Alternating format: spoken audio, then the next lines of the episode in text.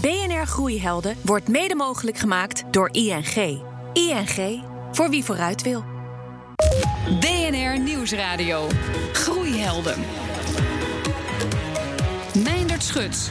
De digitale marktplaats die vraag en antwoord bij elkaar brengt. Het is het businessmodel waarmee grote bedrijven als Uber en Airbnb zoveel succes oogsten. Welkom bij BNR Groeihelden met vandaag alles over het fenomeen online platformen.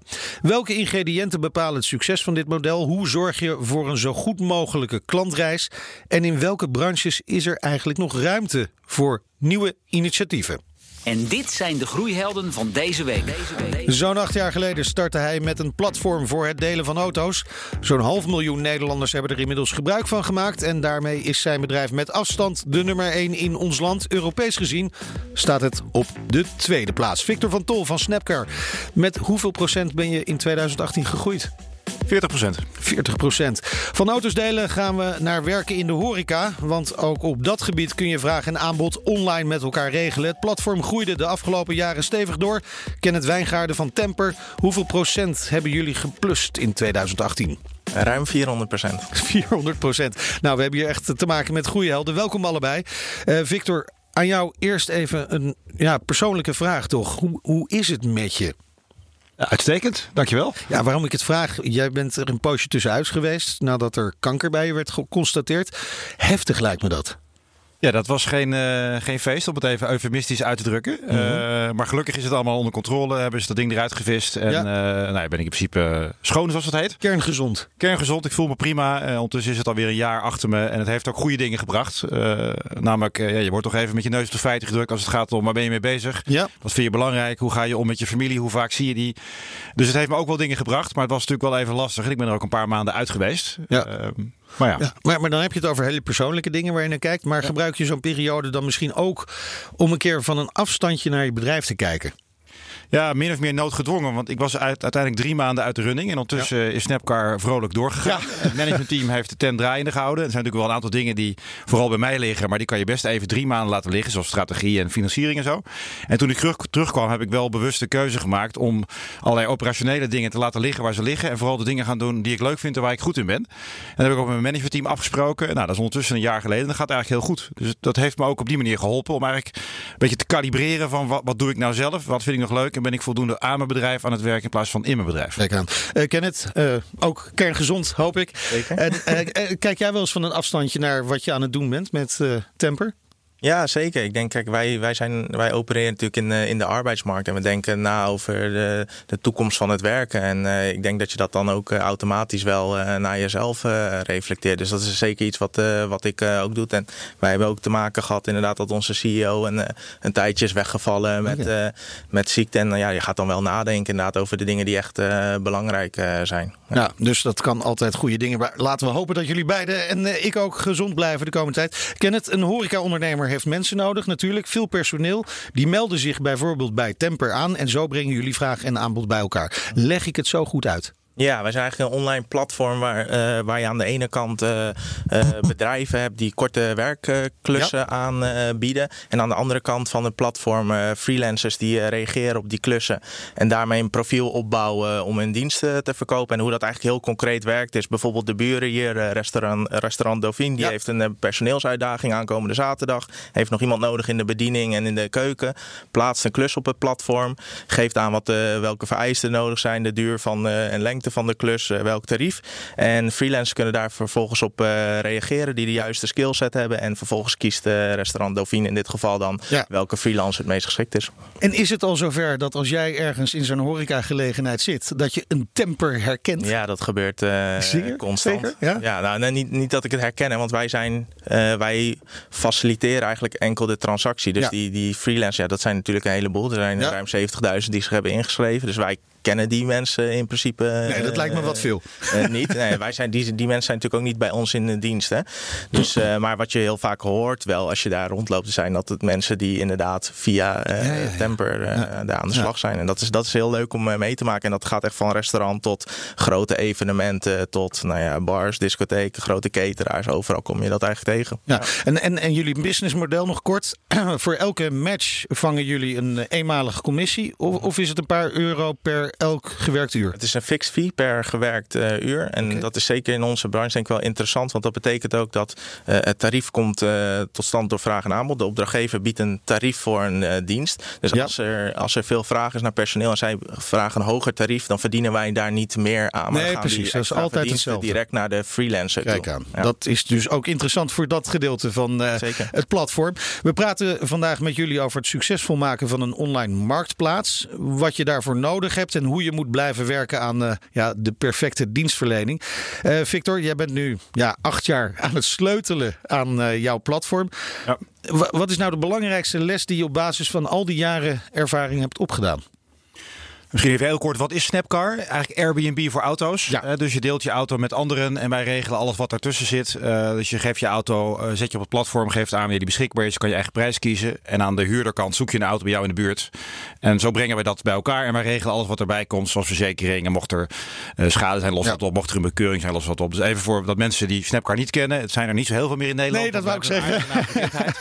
Maar dan weten mensen in ieder geval wat we, wat we doen. Ehm, en jouw vraag over wat is belangrijk? Ja, ik denk dat in bijna alle marktplaatsen, maar zeker in autodelen, vertrouwen het meest belangrijk is. Want je kunt je voorstellen als je als auto-eigenaar je auto meegeeft aan een Ja. vreemde. En vaak is het een vreemde als je voor de eerste keer je auto deelt. Dan wil je wel weten dat die persoon betrouwbaar is. En wij zorgen ervoor dat je daarop kan vertrouwen. Dus wij zorgen ervoor dat we huurders checken. En dat gaat verder dan alleen maar heeft iemand een rijbewijs. Daar doen we nog allerlei andere dingen op. En het geldt omgekeerd ook, maar in iets mindere mate. Dus ook een huurder moet kunnen vertrouwen op eh, de verhuurder en met name de auto. Ja. En ben- en ben je daar door eh, schade en schande wijs geworden daarin? Want ik ken ook wel de verhalen dat het wel eens mis is gegaan. En dat is dan met name met wat exclusievere auto's geweest. Ja, dat is zeker schade en schande. Ik geloof niet in dat je van tevoren alles kan voorspellen. Toen wij Snapcar begonnen, eh, nou ja, ten eerste werden we door iedereen uitgelachen. Dat gaat nooit werken. Toch gedaan. Ten tweede dachten wij, ja, hoe moeilijk kan het zijn? Eh, zet een, eh, een platform neer. mensen zetten hun auto erop en huurders registreren zich. We regelen een verzekering. En dan gaat het min of meer vanzelf. Nou, dat Ja. bleek iets ingewikkelder te zijn. Eigenlijk hebben we nu, onze core business is het matchen van vraag en aanbod van, van, van auto's en huurders. Maar daarnaast hebben we ook een hele, eigenlijk een, een, een, een verzekering slash security module gebouwd. Om te zorgen dat we aan die betrouwbaarheid kunnen voldoen. Kijk aan.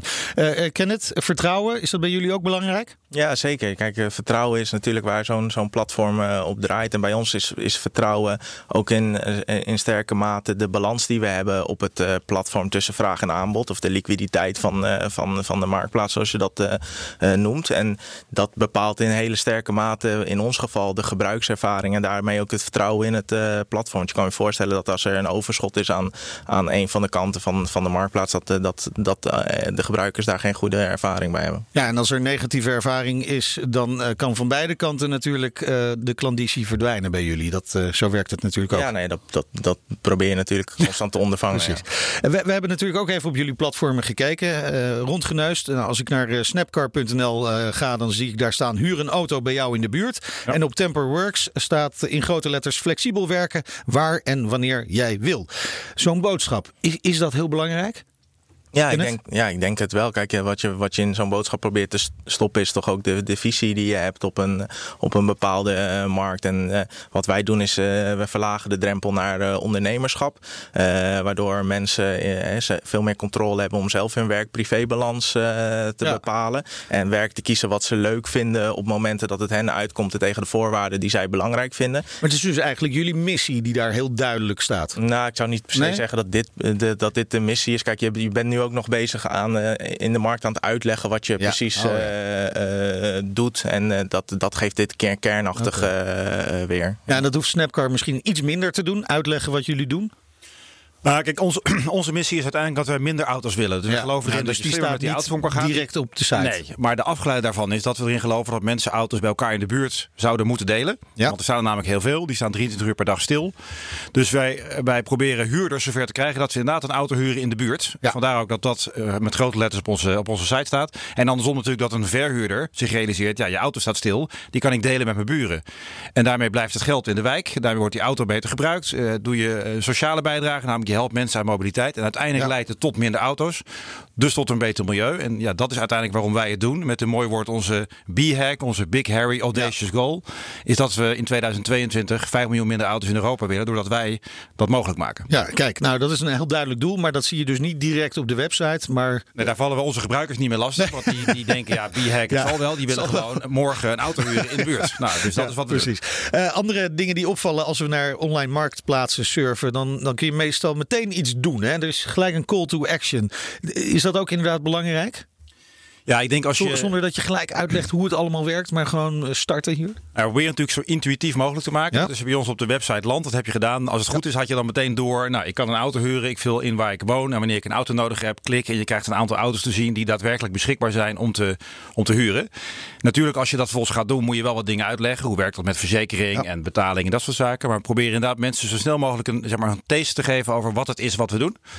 Eh, en dat werkt goed, want mensen die hebben goed door als ze landen wat ze moeten doen. En je ziet ook in de alle cijfers dat ze dan meteen gaan zoeken en auto's gaan eh, selecteren. Ja, bij, bij jullie is dat ook het geval, hè? Ja, het is heel herkenbaar inderdaad. Ja, je, wil wel uit- je wil wel uitleggen welke stappen er nodig zijn hè, om, eh, om aan de slag eh, te kunnen wat daarbij komt eh, kijken. En je neemt de gebruiker eigenlijk aan de hand in, eh, in die klantreis. en je probeert eigenlijk ze eh, zo snel mogelijk te krijgen tot de actie die ze zelf proberen uit te voeren. Dus Ja. je probeert daar obstakels Ja. voor ze weg te nemen. Maar dan zit ik me af te vragen, vaak staat daaronder nog wel de uitleg. Is dat nog wel nodig? Als mensen inmiddels gewend zijn, gewoon maar op start te drukken en gaandeweg begrijpen ze wel hoe het werkt. Ja, nou, dat, dat, dat probeer je wel te verankeren in je, in je product. Alleen er zijn ook gewoon. ge- Het verschilt heel erg per gebruiker. En je probeert natuurlijk de behoeften van elke gebruiker in te vullen. En er zijn wel gebruikers die inderdaad eerst wat verder onderzoek doen voordat Ja. ze zich aanmelden. En er zijn ook eh, gebruikers die direct eh, eh, aan, de slag, eh, aan de slag gaan. Dat Zeker. zijn natuurlijk de fijnste. Ja, het lastige aan de marktplaats, denk ik, is in het algemeen, dat zul je denk ik herkennen, is dat je twee kanten hebt. In Ja. dit geval heb je huurders, die moet je bepaalde dingen uitleggen. Maar je hebt ook verhuurders, die moet je andere dingen uitleggen. En de, de truc is om te balanceren van wel- welke boodschap breng, breng je wanneer in het proces, aan welke kant van de marktplaats. En ook daarbinnen heb je weer segmenten. Want iemand die een auto morgen wil huren voor een halve dag, Ja. zoekt weer iets anders dan iemand die een auto wil huren voor over drie maanden om vier weken op vakantie te gaan. Ja, en, en een van die belangrijke dingen waar, waar bezoekers eh, naar kijken, is natuurlijk eh, eh, wat zeggen andere bezoekers? Wat zeggen andere gebruikers? Jullie laten dat heel duidelijk zien. Ja. Ja, dus we hadden het aan het begin over vertrouwen. Voor een deel kunnen wij dat organiseren middels allerlei checks eh, op huurders en verhuurders. En zorgen dat rijbewijs geldig is, een auto APK en dat soort dingen. Maar eigenlijk is het de belangrijkste laag daarbovenop is dat we vertrouwen proberen te organiseren in de community. Dus we hebben reviews over en weer van huurder naar verhuurder. En uiteindelijk, ja, dat zul je wel herkennen ook als je andere platformen gebruikt. Ja. Is dat het belangrijkste? Want dan geeft namelijk een huurder aan, deze verhuurder is betrouwbaar en andersom. En je ziet ook in de cijfers als mensen een aantal goede reviews hebben, dat de, de conversie dan een stuk beter wordt. Met andere woorden, mensen kijken Ja, ja. En als je auto's hebt die, of huurders die geen enkele review hebben, dan zie je dat de conversie een stuk slechter is. Ja. Dat betekent niet dat iemand iets mankeert, alleen hij heeft niet eerder het platform gebruikt. Nee.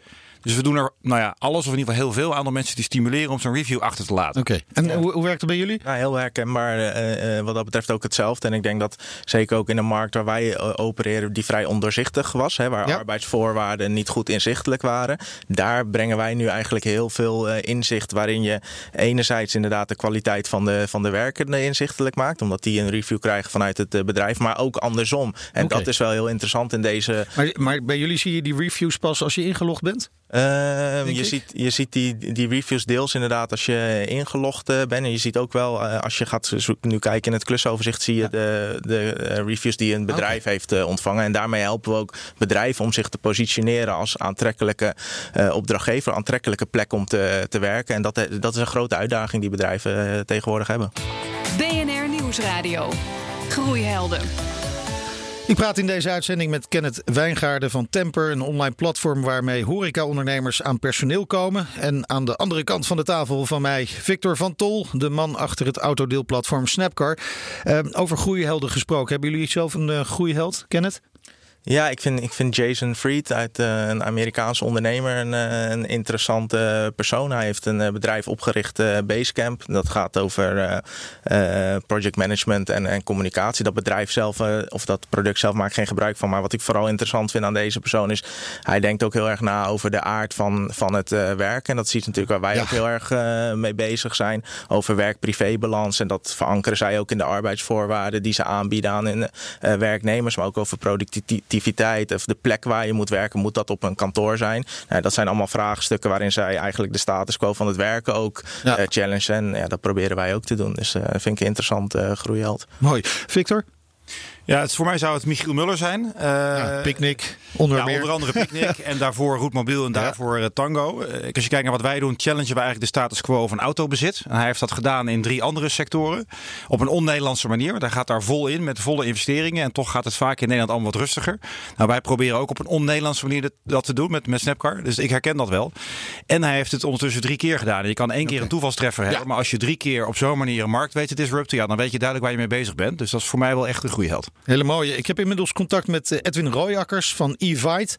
Zij regelen mensen voor de ontvangst bij events. En eh, Edwin, jouw groeiheld is Eckhart Winsen, oprichter van BSO Origin. Tien jaar geleden overleed hij. En eh, zijn filosofie was dat je je bedrijf naarmate dat groter werd... steeds moest blijven opknippen in kleine stukjes, toch?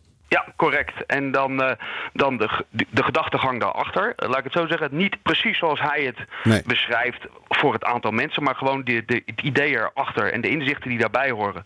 Eh, in zijn eh, gedachten ging het om 50 mensen en dan je bedrijf opsplitsen. Of nou, opsplitsen, in ieder geval een andere cel opstarten. Ik geloof 50 of 100 kilometer verder. En weer met eenzelfde ja, model of patroon dat uitrollen. Met een directeur weer ter plekke en dergelijke. Dat, eh, dat idee. Organische groei zou je bijna kunnen zeggen. En is je eigen bedrijf inmiddels al zo groot dat het eh, tijd wordt om eh, cellen te gaan creëren? Ja, dat zeker weten. Eh, sterker nog, ik, eh, eh, we, we, zitten nu eigenlijk op het moment voor een celsplitsing, zoals het mooi heet. Een geografische splitsing. Waarbij we, ik zeg even het noorden van Nederland en de volgende stap België, een, een, een splitsing gaan doen. En ja, dat, mijn idee is om op die manier te gaan doen. En, dat, ja, dat, het spreekt me gewoon heel enorm. Als je ons team ziet, de cultuur en de, en de chemie die wij in een klein team hebben. Als je, ik heb heel veel bij grotere bedrijven gewerkt. Die, die raak je kwijt of die verdwijnt of die gaat op in, ja, ik zeg het, stafafdelingen zou je bijna kunnen zeggen. Of door eh, bepaalde, ja, eh, ik weet niet waar het door komt eigenlijk. Maar eh, als je nu ziet hoe wij hier intern georganiseerd zijn. dan zou je kunnen zeggen dat wij al een soort organisch model hebben. Eh, iedereen weet zijn taken, weet wat hij moet doen. Iedereen individueel weet waar hij voor staat. We hebben meer rollen en dat is ook organisch. Als er iets. Ja, ik, ik ga los, merk je Ja, wel. Maar ja. het werkt echt zo goed. Mooi. En ja, ik heb het niet bedacht, het is ontstaan. Dus ik, zo moet je het ongeveer zien. Ja, dankjewel Edwin Rooijakkers van Evite.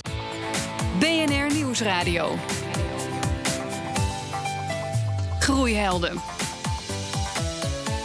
Makkelijk schaalbaar en razendsnel nieuwe klanten. Online marktplaatsen klinken voor veel ondernemers als de heilige graal. Kenneth Wijngaarden van Temper en Victor van Tol. Hij is van Snapcar. Jullie zijn mijn gasten.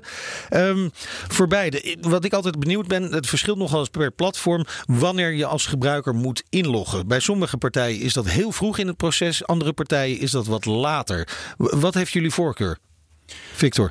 Mijn voorkeur is zo laat mogelijk, omdat je dan eh, zo min mogelijk drempels hebt om mensen te laten proeven van wat het platform doet. Eh, en op een gegeven moment moet je natuurlijk wel inloggen, omdat je dan meer over een persoon wil weten, omdat hij het proces ingaat uiteindelijk een boeking. Maar dan proberen we zoveel mogelijk naar achteren te duwen. Ja, eens. Eh, in, in de beginfase Tempo was er, waren er heel veel eh, obstakels. En we hebben dat eigenlijk eh, zoveel mogelijk eh, weggehaald. Zodat gebruikers ook al een indruk kunnen krijgen van wat ze kunnen verwachten op het platform. Voordat ze een beslissing maken om daar gebruik van te maken. En dan is die aanmelding zelf ook veel relevanter. Oké, dus de, de drempels laag, zo toegankelijk mogelijk. Maar ja, je wil eigenlijk zo snel mogelijk weten van je bezoeker wie het is, toch? Nou, wie Nee? het is, wat de, wat de behoefte is. Ja, en daar, precies. en daar eh, eh, invulling aan kunnen geven. Oké, maar dan moet je het proces daarvoor dus echt heel goed inrichten, Nou, denk je, ik. je Victor. kunt natuurlijk zonder dat iemand ingelogd is al op allerlei manieren een Ja, gevoel kunt- hebben over wat kunt- mensen doen. Mensen zoeken op een bepaalde manier, mensen gedragen zich op een bepaalde manier op de site, mensen volgen een bepaalde flow door de site heen. Dus op basis daarvan kun je eh, op verschillende segmenten op een andere, een andere manier reageren en mensen wel of niet vragen in te loggen of bepaalde delen van de site presenteren, omdat we denken dat iemand nou ja, een auto zoekt voor in de buurt of juist voor lange termijn, of een grote auto of een kleine Ja. auto. Maar, Ja, maar gebruiken jullie dan ook, ook eh, ja, trucs? Ik zeg het, misschien klinkt dat te negatief, maar, maar trucs om te zorgen dat eh, die mensen in die flow blijven. Nou ja, ik zou het inderdaad geen truc willen nemen. De positieve van is, we proberen mensen zo goed mogelijk te helpen met wat ze zoeken. Uh, dat doen we natuurlijk binnen de regels van wat er mag. Hè? Want je hebt natuurlijk allerlei privacy dingen rondom cookies. En ja. uh, wat je wel en niet mag gebruiken aan informatie. Dus we, we blijven daar binnen de regels. Maar we proberen daar natuurlijk wel gebruik van te maken. En uiteindelijk is dat goed voor ons, maar ook voor de gebruiker. Hij krijgt namelijk de dingen gepresenteerd waar hij hopelijk naar op zoek is. In plaats van allemaal onzin waar je niet op zit te wachten. Nou ja, precies. Uh, kijk, conversieverhoging is vaak geen truc. Maar dat geeft aan dat er een, ergens een drempel zit in, in de gebruikservaring. En die probeer je, probeer je weg te nemen. Ja, maar kun je een concreet voorbeeld geven daarvan? Ja, nou dat kunnen zijn uh, bijvoorbeeld in het aanmeldproces dat je bepaalde stappen weglaat. Omdat je die informatie misschien niet nodig hebt op dat uh, moment. Waardoor iemand sneller tot, uh, tot een resultaat ja. kan, kan komen. Maar het kan ook zijn dat je in je filtering opties betere mogelijkheden geeft. Waardoor de gebruiker het gewenste resultaat ja. kan ja. vinden. Welke drempel hebben jullie als laatste weggehaald, Victor? Nou, dus niet als laatste, maar een hele fundamentele is het rijbewijs. We hadden toen we begonnen acht jaar geleden was rijbewijs. Belangrijk, toch? Nou ja, was check 1. Dus iemand registreerde zich en voordat er überhaupt iets gebeurde, moest hij een okay. foto maken van zijn rijbewijs. En dan doen wij al die checks waar ik het eerder over had. Ja. Alleen dat is nogal een drempel. Dus als je even wil kijken van wat is Snapcar, zijn er überhaupt auto's in mijn buurt, wat kost die dan? En je moet eerst je rijbewijs uploaden. Ja, dan haakt er 90% af. Die check hebben we nu naar achter in het proces gebracht. Op het moment dat mensen nu een auto gevonden hebben en willen boeken, dan zeggen we oké, okay, je profiel is nog niet helemaal compleet. Je moet je rijbewijs nog invoeren. Nou, dat had een factor 5 verschil in conversie. Dus dat schoot wow. lekker op. Wow. Ja, en, en dus dat is één ding. Maar je moet ook goed weten wanneer een klant gaat klikken ergens op, hè, op een knop. Ja. Hoe houden jullie dat in de gaten? Hoe, hoe, bekijk, hoe kijken jullie daarnaar? Is, is dat gewoon kijken naar wanneer gaat een klant, valt hij weg? Wanneer gaat hij uit het proces? Nou ja, je kan sowieso op allerlei manieren zien wat mensen doen op de site. Ja. Wat we veel doen, en dat ze je herkennen, denk ik, is AB-testen. Dus ja. we kijken naar verschillende versies van de, van de van pagina's. En dan ja. kijken welke het beste converteert. En dan pakken we natuurlijk de beste. Nou, en, en, dat steeds maar doorgaan. Ja, ja, plus dat je enerzijds kijk je inderdaad van hey, hoe kan je die conversie verbeteren. Maar dan ook in, in de implementatie van het proces voer je dat niet per se rigoureus uh, door. Maar kan je inderdaad in eerste instantie AB-testen op 5% van je database. Dan kijken wat goed werkt. En dan uitrollen naar, uh, naar, de, naar de alle gebruikers uh, toe. Nou zijn er heel veel succesvolle voorbeelden. Hè? Ik noemde het begin van de uitzending al Uber en uh, Airbnb. Ja. Kijken jullie daar nadrukkelijk naar? Ja, ja absoluut. Uh, kijk, er zijn een, een, aantal andere autodeelplatformen, maar er zijn heel veel andere uh, online marktplaatsen waar wij van kunnen leren. Uh, we kijken inderdaad in ons geval goed naar Uber en Airbnb. Uber vanuit de mobiliteitsengel. Wat doen ja. zij nou slim? Bijvoorbeeld hoe wij nu reviews doen. Dat hebben we niet allemaal zelf verzonnen. We hebben goed naar Uber gekeken. En hoe we bijvoorbeeld omgaan met de acquisitie van huurders en verhuurders. Kijken we goed naar wat Airbnb doet en hoe ze dat internationaal doen. Ja, waarom zou je het wiel opnieuw uitvinden? Alleen blind kopiëren werkt dan weer net niet. Nee. Want ja, het is wel een vrij precies. specifieke business waar we, waar we in zitten. Uh, maar het is altijd goed, denk ik, om andere partijen in de gaten te houden. Ja. En Kenneth, jij werkt hiervoor bij uh, Thuisbezorgd en Just Eat. Nou, inmiddels door Thuisbezorgd overgenomen, hè? Just Eat. Twee ja, succesvolle... De Benelux onder. Ja, oké. Okay. ja, je, je, zit er goed in. Uh, twee succesvolle merken, kunnen we wel zeggen, in de markt voor online eten bestellen. kan, heeft, ja, neem je daarvan iets mee naar Temper? Ja, ik denk het wel. Kijk, er zijn vrij algemene lessen die je kan leren uit dit soort modellen. En dat is vaak dat je nummer één in de markt uh, wil zijn. Uh, dat soort algemene ja. lessen. Maar ik denk wat ik ook heel erg belangrijk vind als je kijkt naar de impact die, maats, die platformen tegenwoordig hebben, is dat je als, als platform ook wat meer een maatschappelijke visie moet hebben over de bedoelde en onbedoelde effecten die, die je hebt als platform. En dat vind ik zelf heel erg interessant. En dat is iets wat wij ook bij Temper al vanaf het begin hebben Ja, vanaf het begin al. Jullie zijn ja. er niet door verrast dat je ook met bijvoorbeeld de politiek en de vakbonden in gesprek moet? Nee, juist niet, denk ik, omdat wij opereren in de arbeidsmarkt. En je weet dat de arbeidsmarkt een grote maatschappelijke impact uh, heeft. En daarom zijn we juist met dat soort partijen die je net noemde, uh, vanaf het begin gaan samenwerken. Omdat we het heel erg belangrijk vinden om het te doen binnen de kaders die de arbeidsmarkt biedt. Maar ook om dat soort partijen inzichten te geven in de veranderingen die we teweeg brengen. Zodat zij ook kunnen nadenken over hoe ze hun dienstverlening en businessmodel kunnen mee-evalueren naar nou ja, een toekomstige uh, arbeidsmarkt. BNR Nieuwsradio. Groeihelden. Het is alweer tijd voor onze mini-masterclass. Deze week is het de beurt aan Rutger Prent van Groei Accelerator Go Fast Forward. Als je kijkt naar ondernemers die uh, hun bedrijf willen laten groeien, dan is het vaak toch uh, een van de eerste stappen is dat ze naast zichzelf een topverkoper willen aannemen. Klinkt logisch toch? Je hebt immers klanten nodig, want die zorgen voor omzet. Dus ze zijn zelf of het team van ondernemers de beste verkopers. He, ze weten hun producten en diensten goed aan de man te brengen. Dus ja, voor de volgende fase is ja, ik zoek een kopie van mezelf of van mijn compagnon. Alleen, die hires gaan voor dag vaak fout. Salesmensen die weten zich tijdens sollicitatiegesprekken vaak goed te verkopen. Later blijkt dan in veel gevallen dat ze toch de feeling missen die nodig is om de sales in het bedrijf te laten groeien. Ik heb daar al die jaren heel veel ondernemers mee zien worstelen. Terwijl als je kijkt naar de kracht van marketing, marketing is zo onwijs veel schaalbaarder dan sales. En je ziet eigenlijk ook dat marketing nu ook veel belangrijker begint te worden binnen die bedrijven. Dus um, in mijn visie is het zo dat voor de, de, de next step, het, het schaalbaar maken van je bedrijf, marketing echt in de kern van een bedrijf moet komen. Het moet echt een kerncompetentie zijn. Liever investeren in marketing dan in sales, al dus Rutger. Kennis over SEO, affiliate en growth hacking, ik noem maar eens wat moderne termen, die moet je zo snel mogelijk in huis zien te halen en dus zeker niet allemaal uitbesteden. Als je het niet doet, dan gaat het bedrijf wat beter is in marketing gewoon van je winnen. Ook al ben jij misschien gewoon beter, heb je leukere mensen, heb je betere producten. Het gaat erom dat die schaalbaarheid van marketing zo ontzettend belangrijk is en daarmee krachtig is. Dat ik iedere ondernemer echt daarvoor wil waarschuwen. Ben je er nog niet mee bezig? Als de sodemieter gaat ermee aan de, aan de, aan de slag. Ja, alle ballen op marketing, zegt uh, Rutger in gesprek met uh, collega John van Schagen. Hier in de studio de wijngaarden van Temper en Victor van Tol. Hij is uh, van Snapcar. Um, we hadden het net over die klantreis eigenlijk. Hè? En daar krijg je natuurlijk ook feedback op van je gebruiker. Wanneer beslis je nou om feedback wel te gebruiken en wanneer om het maar even links te laten liggen? Kenneth. Nou, ik denk, kijk, die, feedback van, van klanten kan je op verschillende manieren vergaren en uh, interpreteren. Je hebt een, uh, enerzijds heb je de, de inbound nou ja, uh, support requests, dus vragen die klanten zelf naar voren brengen. Ja. Maar je kan natuurlijk ook kijken naar zoekgedrag binnen een FAQ-omgeving. Wat? Een zoekgedrag binnen een FAQ-omgeving. Dus je hebt een helpdesk waar mensen vragen naar zoeken. Ja, nou, ik bedoel, uh, veel gevraagde, uh, veel gestelde vragen. Veel gestelde vragen, maar daar kan je, daar, ja, sorry. Ja, excuses. Nee, daar kan je inderdaad veel informatie uit ophalen over hè, waar, lopen, waar lopen gebruikers tegenaan.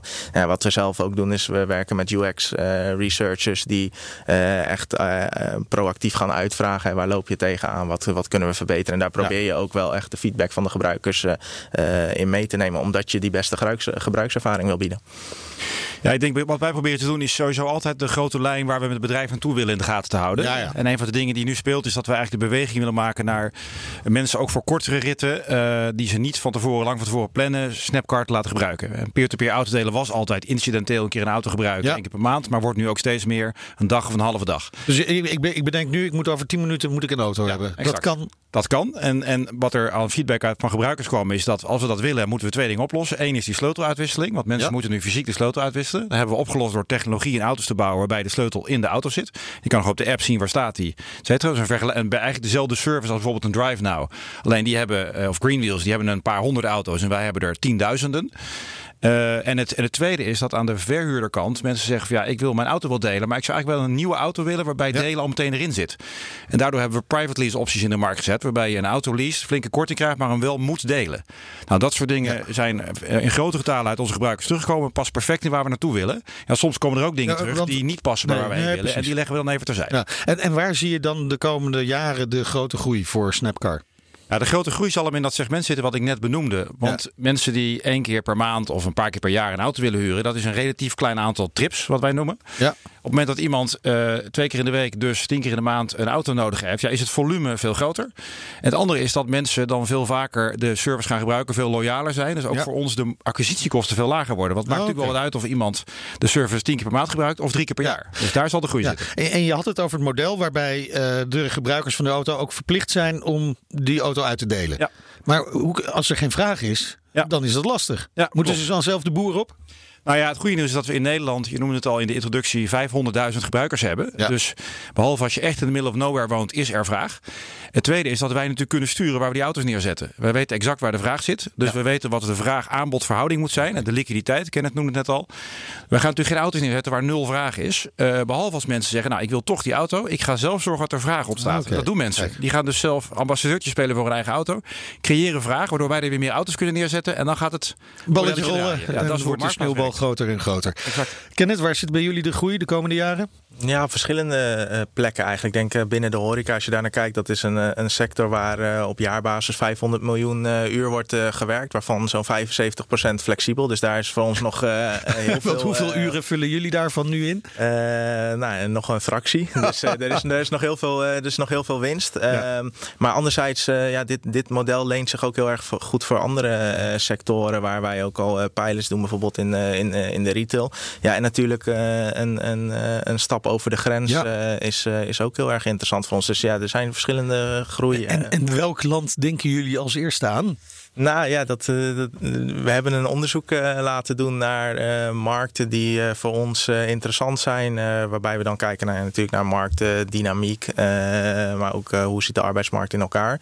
en er zijn een aantal. Ja, voor de draad ermee. Welk land gaan jullie als eerste pakken? Duitsland. Ik, ik, ga, ik, kan het nog niet prijsgeven. Maar we zijn, nu, we zijn nu de uitkomst aan het valideren. En dan hopen we zo snel mogelijk de eerste pijlers te draaien. Dan zullen we dat horen. Dank, zeg ik tegen mijn groeihelden van deze week. Kenneth Wijngaarden van Temper en Victor van Tol van Snapcar. Terugluisteren en delen, dat kan in de BNR-app op Spotify of in iTunes. Volgende week weer een nieuwe Groeihelden uiteraard. Dan met mijn collega John van Schagen. En dan gaat het over een heel ander groeimodel, dat van het franchisen. En tot die tijd zeg ik, lekker blijven doorgroeien. BNR Groeihelden wordt mede mogelijk gemaakt door ING. ING, voor wie vooruit wil.